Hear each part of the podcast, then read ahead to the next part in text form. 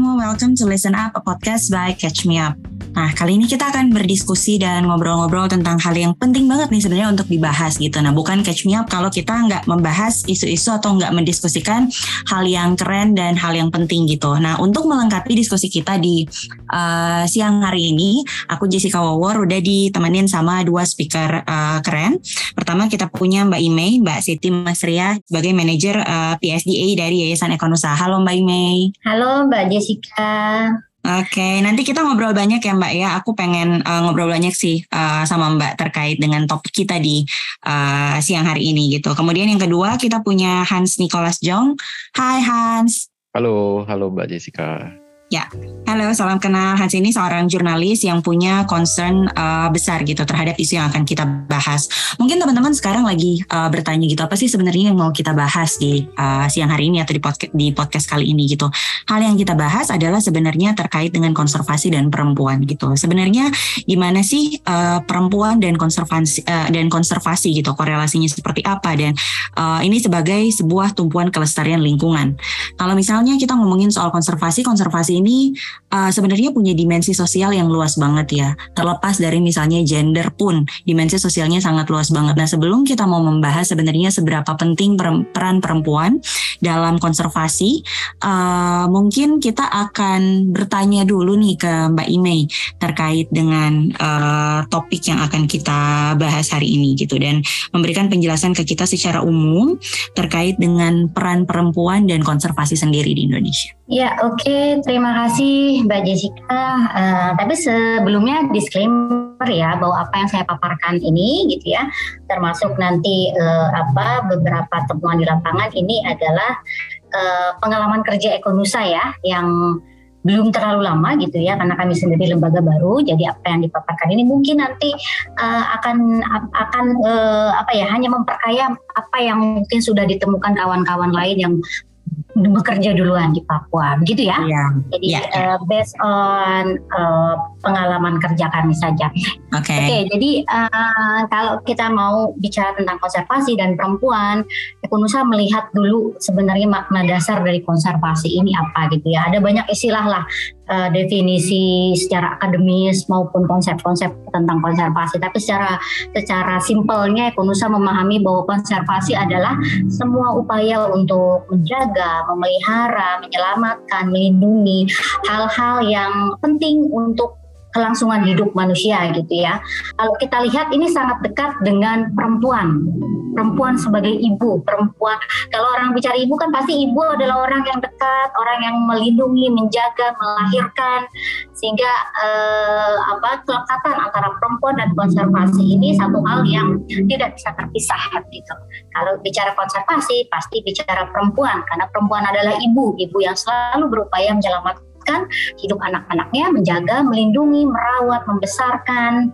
Ya, karena itu sih konsep dasar sehingga kemudian Ekonusa juga memandang penting peran perempuan dalam upaya penyelamatan atau dalam upaya konservasi uh, hutan dan lautan yang ada di Kepulauan Maluku dan tanah Papua. Secara singkat seperti itu sih Mbak Jessica. Oke, baik. Terima kasih Mbak Mei. Mungkin tadi kita mendengar pandangan langsung dari uh, Mbak Imei gitu dari Ekonusa terkait dengan keterkaitan perempuan dan juga eh, konservasi. Nah, aku pengen bertanya nih ke Hans kira-kira sebagai uh, uh, kalau dari sudut pandang Hans sendiri melihat keterikatan dan gimana sih sebenarnya korelasi antara konservasi dan perempuan gitu di kita sekarang? Uh, tentu uh, korelasinya sangat kuat ya seperti tadi yang Mbak Ine jelaskan gitu ya uh, bahwa uh, perempuan itu sendiri kan uh, mereka itu tentu hidupnya itu sangat uh, berdekatan gitu ya dengan uh, dengan alam gitu dan mereka juga diberikan beban gitu ya. Uh, sering kali dibebani untuk mengurus rumah tangga gitu sehingga uh, untuk memenuhi keperluan sehari-hari mereka dan juga keluarganya itu uh, mereka akan apa mengambil uh, apa memanfaatkan sumber daya gitu kan sumber daya yang ada di sekitar mereka gitu. Sehingga apabila sumber daya ini mengalami gangguan gitu oleh aktivitas manusia gitu tentu itu akan berdampak ke kehidupan mereka juga begitu. Sehingga bisa dibilang bahwa memang perempuan itu berkaitan erat dengan upaya konservasi gitu supaya uh, kelangsungan hidup mereka juga terjamin begitu sih. Oke, okay. nah tadi uh, cukup menarik ketika misalnya aku bertanya kan ke Mbak Imei gitu, gimana sih sebenarnya peran perempuan dan juga konservasi gitu, bagaimana korelasi antara perempuan dan konservasi gitu. Mbak Imei memulai dengan definisi dari yang ditangkap dari Mbak Imei dan Ekonusa gitu, kalau konservasi adalah sebuah upaya kita untuk menjaga kelestarian gitu kan ya. Nah kita bicara soal menjaga kelestarian nih, dengan kita menjaga keindahan uh, alam mungkin yang ada di uh, kita bicara Indonesia kemudian nanti spesifik ke uh, Indonesia Timur gitu. Siapa sih sebenarnya yang punya peranan yang paling penting untuk menjaga kelestarian gitu? Karena kalau misalnya kita uh, dengar nih misalnya diskusi juga dari teman-teman uh, yang lain gitu, kadang tuh masih ada yang berpikir tanpa uh, apa ya deep dive langsung ke definisi dari konservasi ini. Jadi mereka hanya berpikir misalnya konservasi merupakan tugas atau bagian atau tanggung jawab dari sekelompok orang gitu atau misalnya disiplin ilmu tertentu gitu. Mungkin aku bisa mulai dulu dengan Hans kalian soal ini. Siapa sebenarnya yang punya peranan penting untuk menjaga kelestarian ini? Uh, tentunya kita semua ya, karena tadi kan saya sebutkan uh, bahwa perempuan itu berkaitan erat gitu ya, uh, karena mereka menggantungkan hidupnya dengan alam. Tapi kan kalau misalnya kita lihat ditarik lebih jauh lagi sebenarnya itu kita semua yang hidupnya bergantung dengan alam. Bahkan uh, kita yang nampaknya jauh dari alam gitu yang yang yang tinggal di perkotaan pun sebenarnya uh, sebenarnya uh, kehidupan kita pun berkaitan erat gitu dengan dengan alam gitu. Ketika alam terganggu maka dampaknya pun juga ke kita gitu walaupun misalnya alamnya jauh gitu. Ya misalnya kalau yang tinggal di Jakarta aja bisa kita lihat gitu ya ketika daerah penyangga airnya itu terganggu gitu hutannya berkurang maka jadi sering banjir gitu. Nah, jadi itu sangat jelas gitu bahwa memang yang punya peran, yang bertugas gitu ya, dan berkepentingan dalam menjaga alam itu kita semua. Setuju Hans. Jadi kayak kalau misalnya kita ngobrolin soal konservasi ini ya bukan bukan tugas atau tanggung jawab dari sekelompok orang aja itu itu yang paling penting sih sebenarnya sekarang adalah untuk membangun gimana kesadaran uh, kalau konservasi ini atau upaya untuk menjaga kelestarian ini merupakan tanggung jawab dari uh, semua orang gitu. Gimana kalau misalnya uh, dari Mbak Imei melihat masih banyak mungkin pemikiran yang beranggapan bahwa upaya menjaga kelestarian atau mungkin konservasi ini bukan tugas kita bersama gitu. Ya, jadi sepakat ya dengan apa yang disampaikan Mas Han juga yang tadi sudah sedikit disimpulkan Mbak Jessica gitu ya bahwa dalam konteks konservasi dalam konteks merawat, melindungi, menjaga ini tidak ada pemilahan peran gitu ya. Perempuan dan laki-laki dalam konteks perlindungan ini punya porsi yang sama gitu. Punya peran dan tanggung jawab masing-masing bagaimana bisa mereka bisa berkontribusi untuk menyelamatkan uh, lingkungan gitu. Tapi kalau karena karena kalau kita kembalikan kepada konteks gender sendiri kan sebenarnya itu bukan bicara perempuan ya, tapi bagaimana kemudian bisa membuka ruang-ruang publik bagi perempuan untuk bisa lebih terlibat. Nah, kalau kita kembalikan kepada ini spesifik Papua kah? Konser, uh, bicara konservasinya ya. atau? Ya, ini masih secara keseluruhan. Nanti kita akan uh, spesifik setelah ini ke Papua. Oke, okay, sebenarnya kalau tidak di secara spesifik Papua pun sebenarnya kalau yang sepanjang atau sependek pengetahuan saya gitu ya, um, peran konservasi baik laki-laki dan perempuan sama, tapi kita kita kalau kita kembalikan untuk melihat siapa sih sebenarnya yang dekat dengan alam gitu ya, dekat dengan uh, lingkungan.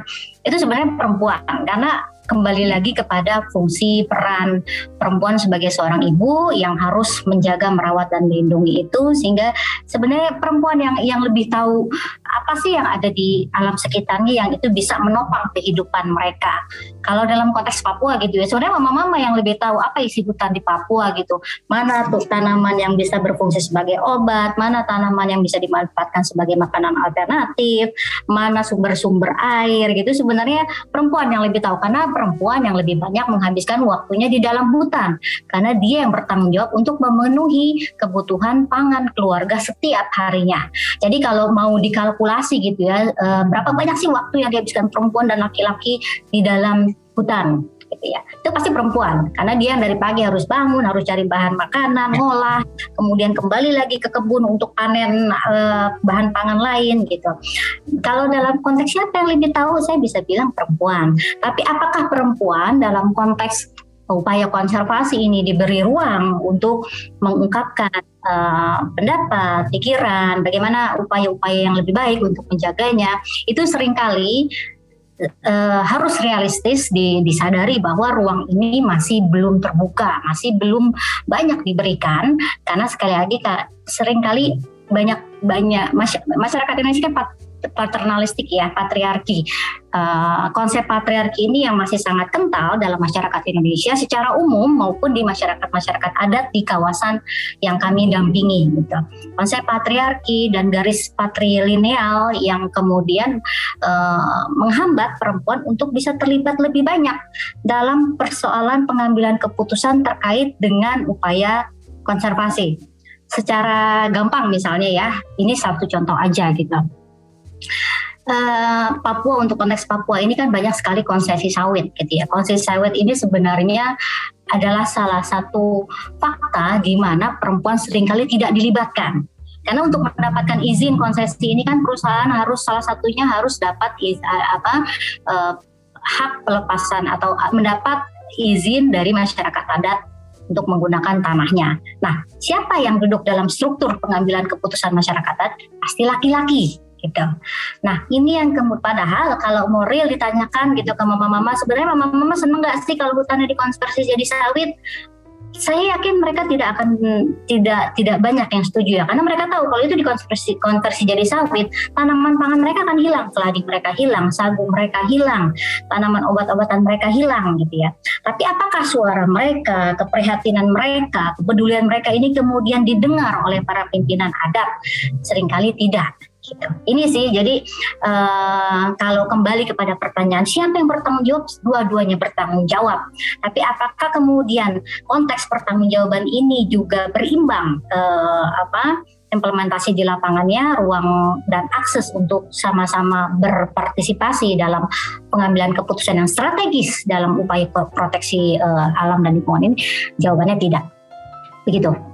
Mbak Jessica ya, ya, baik Mbak Ime. Ini menarik ya. Jadi sebenarnya uh, peran atau tanggung jawab itu untuk kedua-duanya gitu. Semua bertanggung jawab gitu. Bahkan kedekatan kalau misalnya kita mengambil contoh di tanah Papua gitu. Perempuan punya punya kedekatan yang lebih gitu untuk dalam upaya menjaga kelestarian. Tapi isunya lebih kepada tidak ada ruang tidak ada kesempatan yang diberikan untuk uh, dalam pengambilan-pengambilan uh, keputusan gitu ya secara secara signifikan dan penting gitu.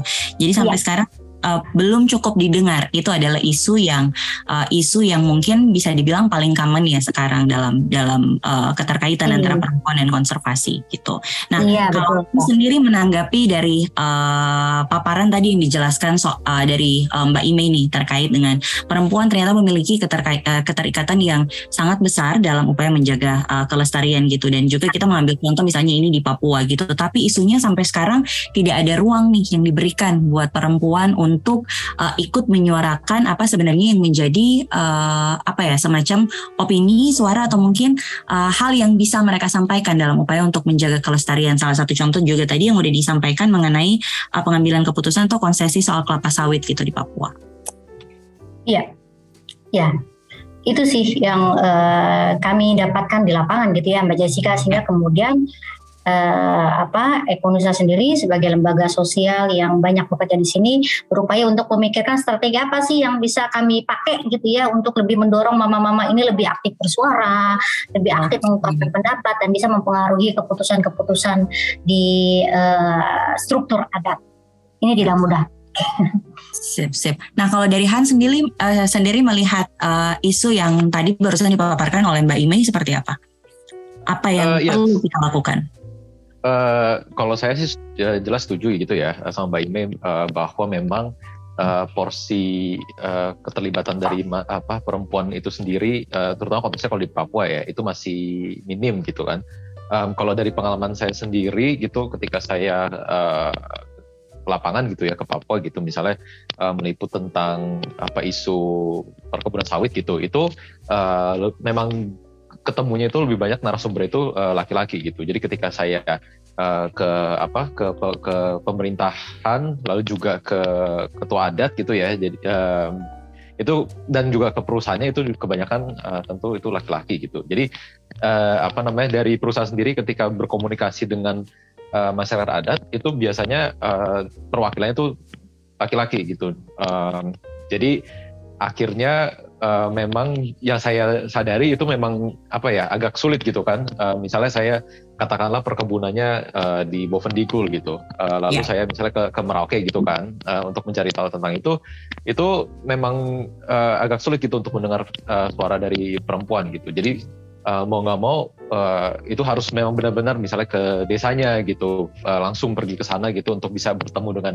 uh, perempuan dan itu pun juga uh, belum tentu mereka mau langsung berbicara begitu. Jadi uh, kalau dari pengalaman oh, saya itu misalnya, hmm, misalnya ya kayak katakan saya berkunjung gitu, hmm. uh, lalu misalnya saya uh, perkenalan gitu kan, nah itu saya minta uh, saya minta izin untuk bertanya gitu, itu biasanya mereka akan uh, awal-awal segan gitu. Jadi mereka bilang oh itu tanya ke yang laki-laki saja gitu. Mereka yang mereka yang mengerti. Uh, uh, kalau kalau kalau gitu apa? Waktu itu saya uh, mendapatkan jawaban seperti itu gitu. Um, jadi mungkin uh, apa ya? Uh, mungkin sebenarnya mereka punya pengetahuan itu yang luas gitu bahkan mungkin lebih luas gitu dari daripada lelaki gitu karena kalau yang saya baca itu memang biasanya pengetahuan uh, adat itu memang diturunkan itu ke perempuan gitu karena biasanya laki-laki okay. itu lebih banyak kesempatan untuk merantau misalnya gitu jadi ya. akhirnya lebih banyak yang mendapatkan cerita dari yang ketua ketua-ketua itu justru malah perempuan gitu um, tapi sayangnya mungkin karena uh, apa karena budaya patriarki ini jadi mereka merasa um, mereka tidak punya mungkin ya ini masih ini masih kemungkinan gitu ya. Oh, mungkin jadi sebenarnya bukan dibatasi atau dilimitasi secara langsung ya, tapi lebih kepa kepada budaya yang melekat gitu.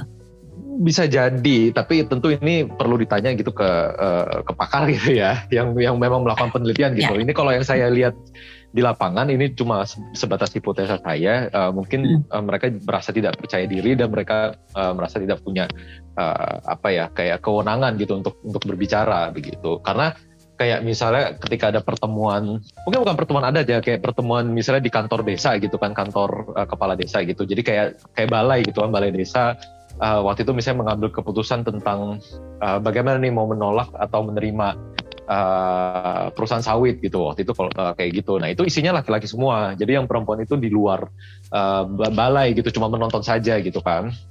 Lalu kalau misalnya uh, saya tanya ke perempuan-perempuan yang di luar itu, uh, juga mereka bilang oh tanya saja yang di dalam begitu. Um, jadi memang butuh kalau saya lihatnya sih memang butuh uh, usaha lebih gitu ya karena uh, kalau uh, dalam pandangan saya masyarakat adat sendiri kan suaranya sudah uh, jelas uh. mereka ruangnya jelas lebih kecil gitu dibandingkan dengan uh, misalnya dibandingkan dengan perusahaan gitu. Uh. Nah, jadi di dalam masyarakat adat sendiri pun juga perempuan sepertinya porsinya bahkan lebih kecil lagi gitu untuk untuk bersuara uh, dan bisa suaranya didengarkan. Perlu upaya ekstra ini kalau saya melihatnya seperti itu. Oke, berarti bisa dibilang ini tantangan yang terbesar adalah gimana bisa memberikan ruang kepada perempuan-perempuan di tanah Papua juga ya untuk ikut memberikan suara gitu beropini gitu bisa dibilang seperti itu kah Hans dan Mbak Ime? Mungkin ya uh, karena budaya patriarkinya sudah melekat sangat kuat gitu jadi uh, agak sulit kan ya mengubah sesuatu yang sudah melekat begitu erat gitu kan. Uh, jadi bagaimana bisa membuat uh, perempuan ini tuh uh, tahu bahwa suara mereka itu penting loh gitu, penting untuk didengarkan dan mereka memang punya hak untuk bersuara gitu dan untuk didengarkan gitu. Nah mungkin ya. kalau dari Imei sendiri dari Ekonusa kira-kira apa saat ini mungkin pendampingan atau hal yang sedang dilakukan gitu untuk seperti tadi yang Hans bilang ya ini tidak bisa diubah gitu dengan dengan cepat dengan mudah karena kalau kita sudah bicara soal budaya itu hal yang sangat sulit untuk diubah tapi apa kira-kira yang dilakukan oleh Ekonusa saat ini untuk mem membantu ikut memberikan ruang mungkin ya bagi bagi perempuan untuk ikut bersuara dan mengambil peran lebih penting akhirnya lebih signifikan dalam upaya-upaya seperti ini. Ya apa menambahkan yang tadi bisa disampaikan Mas Hans ya gitu ya. Jadi uh, tadi juga Mbak Jessica sempat bilang sebenarnya uh, bukan pembatasan ya, jadi tidak ada pembatasan. Kalau kalau dari Indonesia sebenarnya memandang bahwa kalau dibilang pembatasan Ya tidak, tapi memang sejak karena struktur adat sendiri itu dikreat ruang untuk perempuannya tidak ada gitu ya. Karena uh, dalam konteks masyarakat adat juga perempuan sering kali dianggap tidak mampu mengambil keputusan yang strategis sehingga dalam setiap ruang pengambilan keputusan mereka tidak dilibatkan. Contoh kecil gitu ya kita bisa lihat dalam kepemilikan tanah adat gitu. Perempuan itu tidak punya hak kepemilikan tanah adat di Papua gitu ya. Mereka punya hak kelola, tapi ketika mereka misalnya nikah atau keluar dari wilayah adatnya, mereka nggak bisa ngewarisin tuh tanah yang mereka kelola ke anaknya. Mereka kehilangan hak. Nah, ruang kelola ini yang mereka punya dan di sinilah mereka eh, perempuan-perempuan mama-mama Papua ini bisa berupaya maksimal untuk menunjukkan bahwa mereka bisa loh uh, punya mereka punya kapasitas untuk uh, menunjukkan punya kapasitas untuk mengelola lingkungan menjadi lebih berdaya guna, punya nilai tambah yang lebih dan itu yang yang uh, effort mereka tuh harus lebih gede menunjukkan uh, inisiatif pengelolaan karena mereka nggak punya hak milik gitu karena secara adat memang sudah diatur seperti itu. Nah, ruang keterbatasan ruang yang memang sudah disistematisasi seperti inilah yang harus perlahan-lahan dibongkar. Apakah mudah? Tentu tidak, karena seperti yang Mas Hans bilang gitu ya, ini sudah berjalan sejak dulu budaya patriarki saat ini sudah sangat apa menguat gitu ya, hampir di semua sektor, di semua masyarakat gitu apakah tidak ada upaya juga untuk membongkar pasti ada. Uh, pemerintah sendiri sebenarnya sudah ada payung hukum ya kan pengaruh utamaan gender yang ini harusnya secara ideal diterapkan oleh seluruh komponen masyarakat hingga di level terkecil. Upaya-upaya pengaruh utamaan gender ini kan harus dipahami ya bagaimana membuka ruang-ruang akses, membuka kesempatan bagi seluruh masyarakat termasuk perempuan sebagai kelompok masyarakat yang termarginal yang terpinggirkan supaya bisa lebih partisipatif, lebih didengar suaranya. Tapi tapi sering kali terlebih di kawasan yang jauh dari akses komunikasi dan infrastruktur gitu ya Papua contohnya informasi dari pusat ini sering kali terhambat gitu ya. Tidak sampai karena tidak ada orang-orang yang juga uh, berupaya untuk menjelaskan. Di sini ada payung hukum yang harus ditaati oleh seluruh warga negara Indonesia gitu ya.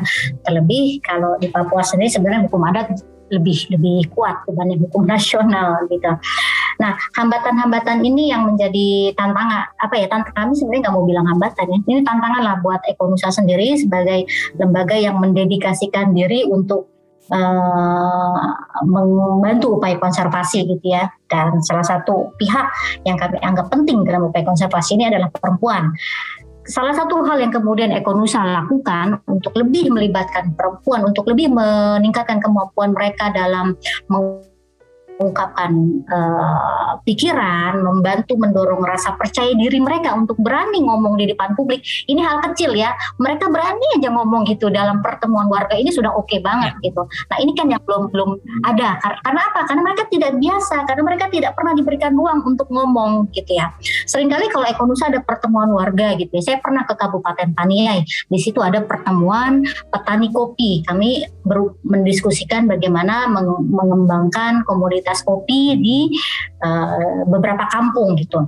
Nah harapan kami karena perempuan yang yang paling sering gitu ya ke, ke lahan kebun dan hutan, kami berharap mereka ikut nih hadir dalam pertemuan beberapa kali saya selalu mencoba mendatangi mereka, ayo mama masuk ke dalam, kita pengen dengar mama cerita gitu ya itu sampai saya berulang kali mencoba mengajak mereka. Mereka nggak pernah mau. Tidak usah ibu. Di situ sudah ada bapak-bapak gitu. Kami di sini saja mereka di dapur. Seberapa, berapa kali pun saya mengajak mereka tidak mau. Karena apa? Karena kalau setelah saya cari tahu mereka memang tidak pernah diajak sama bapak-bapaknya gitu. Jadi kalau mereka mau ikut dalam pertemuan di mana di situ ada bapak-bapak mereka sungkan karena tidak pernah diberikan ruang itu. Nah untuk membuka ruang itulah atau menyediakan ruang itu Ekonusa uh, apa salah satu upaya yang kami lakukan adalah menyelenggarakan kegiatan yang sifatnya capacity building itu khusus perempuan gitu. Ini kayak semacam uh, kuota keterwakilan lah gitu ya. Ini kan affirmative action upaya untuk uh, menyediakan ruang khusus gitu ya.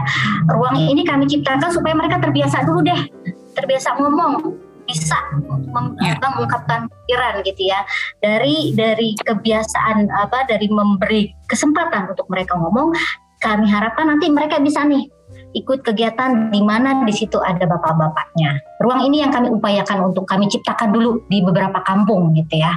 Supaya mama-mama ini tahu loh kalau um, mereka ngomong, omongan mereka kami dengar gitu ya. Jadi hmm. kami tidak sekedar minta mereka ngomong, tapi kami berharap uh, kami tapi menangkap apa yang mereka omongkan dan kami berupaya untuk membantu mereka mewujudkan apa yang mereka uh, usulkan Begitu sih Mbak. Jadi membuka ruang. Nah ruang ini bagaimana kami ciptakan? Kami melihat di mana waktu perempuan-perempuan mama-mama Papua ini punya waktu luang gitu. Karena kan sebagai besar waktu mereka di kebun ya, masak segala macam gitu, menyediakan kebutuhan keluarga. Nah di waktu-waktu yang mereka senggang ini kami ciptakan ruang mereka untuk saling komunikasi, berkumpul, berdialog antar sesama perempuan. Begitu sih yang dilakukan. Udah berjalan, udah berjalan berapa lama ini Mbak yang memberikan uh, mama-mama Papua ini ruang gitu, jadi kayak semacam yang ya. melatih lebih bisa. Hmm. Ekunusa intens pendampingan itu sejak 2019 ya Mbak ya. Hmm. Ada banyak program yang kami ciptakan, misalnya program yang ada di kami itu namanya School of Eco Involvement sekolah uh, apa untuk menyadarkan mereka uh, pentingnya konservasi dan keterlibatan masyarakat adat dalam pengambilan keputusan. Ini upaya untuk memperkuat ketahanan masyarakat adat sih. Dalam program School of Eco Involvement misalnya ya, kami meminta para kepala kampung untuk menunjuk gitu ya kader-kader kampung mereka dan harus ada perempuan gitu. Kami mengharuskan ada perempuan. Tapi kan sering kali mereka beralasan tidak ada nih e, ibu, mama atau kakak yang bersedia gitu. Nah, uh, apa program kami juga selalu berefleksi program ini gagal terus kami coba lagi program yang lain. Gitu sih. Nah kami temukan formulasinya adalah kita cari waktu yang di mana perempuan ini senggang dan waktunya tidak terlalu lama gitu. Karena di program sebelumnya misalnya kami ada kegiatan dua minggu tiga minggu itu nggak mungkin mama-mama bisa ikut kalau tiga minggu harus meninggalkan rumah. Ya akhirnya kami desain waktunya lebih singkat sehingga mama-mama bisa berpartisipasi secara aktif. Ini sejak 2019 Oke, baik. Jadi memang ada upaya pendampingan secara intens juga yang dilakukan oleh Ekonusa untuk uh, melatih dan memberikan ruang bagi para mama-mama Papua ini untuk uh, lebih berani untuk bersuara gitu ya. Mungkin ini masuk bagian-bagian terakhir kali ya sebelum sebelum kita nanti akan menyimpulkan. Tapi uh, aku tertarik terlepas dari keterbatasan ruang dan mungkin belum uh, apa ya masih kentalnya budaya patriarki yang ada di Papua gitu. Kita kan mengambil contoh dari peran mama-mama Papua gitu kan.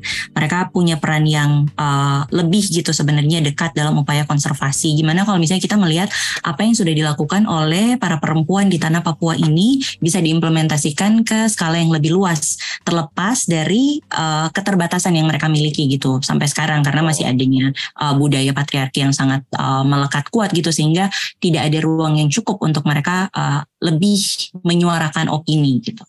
Oke okay, oke, okay. uh, ya menurut saya ini ini ya apa namanya berpotensi gitu ya kalau misalnya memang uh, apa namanya upaya-upaya untuk uh, meningkatkan peran uh, perempuan di Papua ini uh, berhasil gitu ya, uh, itu akan bagus gitu kalau misalnya memang bisa di apa direplikasi di tempat-tempat lain gitu. Karena uh, ya nggak cuma di Papua gitu kayak uh, memang perempuan itu uh, di Indonesia gitu ya pada umumnya itu memang uh, apa mempunyai uh, keterkaitan yang uh, biasanya lebih erat gitu. Sekali lagi karena mereka diberikan uh, apa tanggung jawab gitu ya untuk uh, biasanya diberikan tanggung jawab untuk apa uh, mengurus rumah tangga gitu sehingga um, apa ya itu mereka harus uh, apa uh, bergantung pada uh, sumber daya alam di sekitarnya gitu.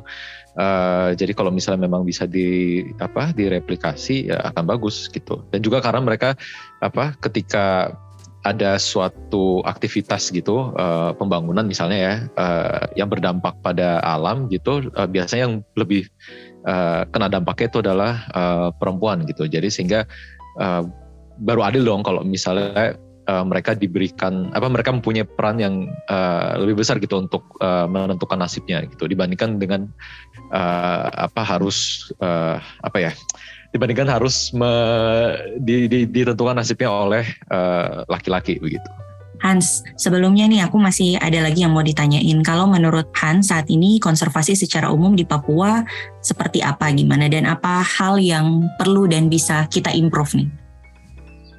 Uh, secara umum ya di Papua ya, kalau saya lihat sih perhatiannya sudah tinggi ya karena memang kampanyenya itu cukup gencar gitu kan. Dan memang kalau kita lihat dari statistiknya itu memang tidak terbantahkan gitu ya betapa pentingnya uh, hutan di Papua gitu. Dan uh, kita mengenal hutan Papua itu sebagai uh, benteng terakhir uh, dari hutan di Indonesia bahkan bisa jadi di uh, Asia Tenggara gitu ya yang memang masih kebanyakan masih belum terjamah gitu. Uh, jadi kalau kita lihat konteks Indonesia aja, kita lihat di bagian barat itu kan sudah uh, hampir sebagian besar sudah ini ya sudah apa hilang. Dan ini ini kebetulan saya lagi di Samarinda gitu kan. Jadi saya juga ini pertama oh, kali saya ke Samarinda, terus saya lihat juga uh, apa namanya ya itu uh, melihat betapa uh, pembangunan yang kalau misalnya tidak terencana dengan baik itu bisa uh, bisa berdampak gitu ya. Kayak di sini itu dikit-dikit banjir gitu. Saya lihat uh, kayak rumah-rumah itu banyak yang ditinggiin dan tingginya itu lumayan ekstrim gitu kan jadi secara uh, keseluruhan itu kan sudah baik yang di kafling uh, untuk tambang perkebunan dan HTI gitu. Um, jadi ya itu uh, sekali lagi apa namanya uh, jangan sampai nasib-nasib yang dialami oleh saudara-saudara kita di bagian barat itu ya. juga dialami oleh saudara-saudara kita di bagian Papua gitu. Jadi uh, menurut saya sih ke, kesadarannya sudah ada gitu ya, sudah tinggi gitu. Dan, bahkan dari dari sisi pemerintah sendiri pun sudah sudah mengakui uh, berkali-kali bahwa memang hutan Papua itu sangat penting untuk um, dijaga gitu. Oke, jadi sedikit menyimpulkan tadi dari yang uh, sudah dijelaskan dan dipaparkan sama Hans gitu intinya kayak sebenarnya kesadarannya udah ada gitu, udah ada dan udah mulai uh, terbangun gitu. Tapi gimana kita tinggal menyebarkan dan memberikan ruang khusus dan lebih gitu terlebih untuk para perempuan kalau kita bicara soal uh, tanah Papua. Nah, aku akan langsung nanya ke pertanyaan terakhir mungkin lebih ke conclusion gitu. Kalau dari Han sendiri, setelah kita merangkum dari apa yang udah kita diskusikan uh, tadi gitu terkait dengan peranan perempuan dan uh, konservasi gitu, upaya konservasi, uh, gimana perempuan masih memiliki ruang yang sangat-sangat terbatas untuk beropini atau memberikan uh, suara mereka gitu dalam upaya-upaya konservasi. Kalau melihat posisi kita sekarang dengan berbagai berbagai upaya yang sudah dilakukan Hans. Apakah uh, kita masih jauh gitu untuk mencapai hal tersebut gitu? Apa hal apa saja hal-hal yang harus kita benahi gitu? Kalau menurut saya bagaimana menciptakan ruang yang aman gitu ya bagi para perempuan ini untuk bisa uh, menyuarakan pendapatnya dan dan saya sih ngeliatnya jangan sampai berhenti di sampai ke pendapat gitu tapi sampai di mengambil kebijakan gitu jadi kalau kalau misalnya kita berbicara tentang uh, perang perempuan, menurut saya kalau bisa jangan berhenti sampai di ini saja bersuara gitu, tapi juga sampai ke uh, pengambilan kebijakan.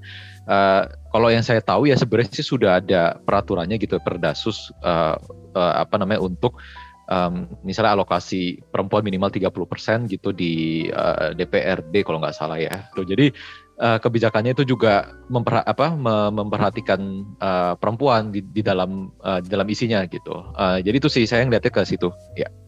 Thank you Hans, Mbak Ime. Ya, uh, sama pertanyaannya ya. Jadi kalau dari kami uh, mendorong perempuan untuk lebih terlibat dalam proses pengambilan keputusan ini langkah yang strategis, memang langkah yang harus diambil dan pasti ada banyak hal juga yang harus dipersiapkan supaya perempuan mampu untuk mengambil ruang, mengambil peran dalam proses pengambilan keputusan yang strategis gitu ya. Dan uh, proses-proses politik, lobby dan negosiasi itu dimulai pasti di level kampung. Ini karena berdasarkan undang-undang desa gitu ya, kampung adalah daerah otonom yang saat ini diberi kewenangan besar untuk menentukan nasibnya. Kesejahteraan kampung sebenarnya ini yang harus kita dorong. Karena itu Ekonusa yang bermain di level kampung mendorong para para mama-mama di, di kampung ini untuk mulai terlibat dalam proses musyawarah rencana pembangunan desa atau musrenbang des atau musrenbang kampung gitu ya. Ini ruang paling kecil yang upa, berupaya uh, yang kami upayakan perempuan ikut dalam proses. Karena di dalam proses uh, musrenbang ini adalah inilah yang di mana kampung merencanakan apa sih yang strategis untuk dilakukan pembangunan apa yang paling urgent untuk diprioritaskan gitu. Sehingga anggaran kampung yang cukup besar ya di Papua karena tidak hanya dari apa dana kampung tapi juga ada dana otsus dan miliaran atau ratusan juta yang ada di kampung ini kalau perempuan terlibat dalam proses perencanaan dari, dari level paling kecil itu bisa dipastikan kampung itu maju gitu ya Nah, upaya ini sekali lagi tidak mudah karena Ekonusa sendiri bekerja di kampung-kampung yang jarang atau yang belum disentuh oleh lembaga lain sehingga effort kami untuk uh, mendorong perempuan mulai dari berani ngomong aja ini ekstra gitu ya karena bagaimana mereka mau bisa terlibat dalam pengambilan keputusan, mampu mengeluarkan opini tentang apa yang strategis dan harus diprioritaskan kalau mereka nggak mampu bicara. Gitu. Jadi step paling awal yang kami dorong adalah membangun rasa percaya diri mereka bahwa mereka mampu, mereka bisa dan mereka tahu apa yang penting untuk hidup dan kehidupan mereka sebagai individu, sebagai ibu dan sebagai bagian dari uh, masyarakat adat gitu. Itu yang pertama. Yang kedua, Ekonusa juga berupaya untuk melahirkan perempuan-perempuan potensial yang itu kemudian kami tampilkan. Kami dorong untuk menjadi role model bagi mama-mama Papua lainnya. Ini juga didukung oleh sis, apa uh, tim komunikasi Ekonusa yang yang kemudian mencari mengemas cerita mama-mama yang uh, menjadi kader potensial di kampung dampingan kami untuk ditampilkan sehingga mama lain yang ada di kampung lain itu bisa tahu oh mama itu saja bisa, saya pasti bisa gitu ya. Jadi ada beberapa role model yang sudah kami temukan, identifikasi dan saat ini kami damping intensif sehingga mereka nanti bisa menjadi contoh baik bagi mama-mama lainnya. Misalnya kepala kampung Kukuria ya. Kabupaten Kaimana, lalu mama-mama yang ada di Kabupaten Maibrat yang mengembangkan potensi serai wangi. Dua perempuan mama-mama ini yang menjadi role model yang harus kami tampilkan supaya mama lain berani bersuara. Itu sih Mbak. Oke, luar biasa komitmen dan peran Ekonusa ya dalam membangun dan mencoba membuat perubahan tentunya untuk mendorong ke hal yang lebih baik. Uh, sedikit untuk uh, merangkum mungkin uh, teman-teman apa yang uh, kita diskusikan di siang hari ini, kita harus memberikan dan mendorong perempuan untuk diberikan ruang untuk bersuara, tapi nggak berhenti hanya di bersuara aja. Suara perempuan harus didengar dan untuk mendapatkan suara yang didengar itu perempuan harus memiliki mungkin atau diberikan kesempatan untuk uh, untuk di posisi-posisi uh, strategis yang bisa memberikan ruang pada perempuan untuk ikut dalam proses pengambilan kebijakan gitu. Sehingga upaya konservasi ini dan relevansi dan korelasinya juga dengan perempuan bisa lebih maksimal. Dan perlu dicatat buat semua teman-teman yang mendengarkan listen up kalau konservasi atau upaya untuk melestarikan dan menjaga lingkungan kita adalah tanggung jawab dan peran bersama gitu. Bukan hanya peran atau tanggung jawab dari sekelompok pihak atau uh, satu gender aja atau mungkin satu disiplin ilmu tertentu. Terima kasih buat waktunya buat Mbak Siti Masriah dari Ekonusa. Makasih banyak Mbak, aku belajar banget uh, belajar banyak banget loh siang ini gitu dari Mbak Imei. Thank you ya. Sama ya, sama-sama. Ya, Hans Nicholas Jong, thank you ya atas uh, waktunya gitu. Ada kesempatan untuk ngobrol-ngobrol bareng Ekonusa dan juga Catch Me Up di siang hari ini. Thank you semua. Thank you, thank you.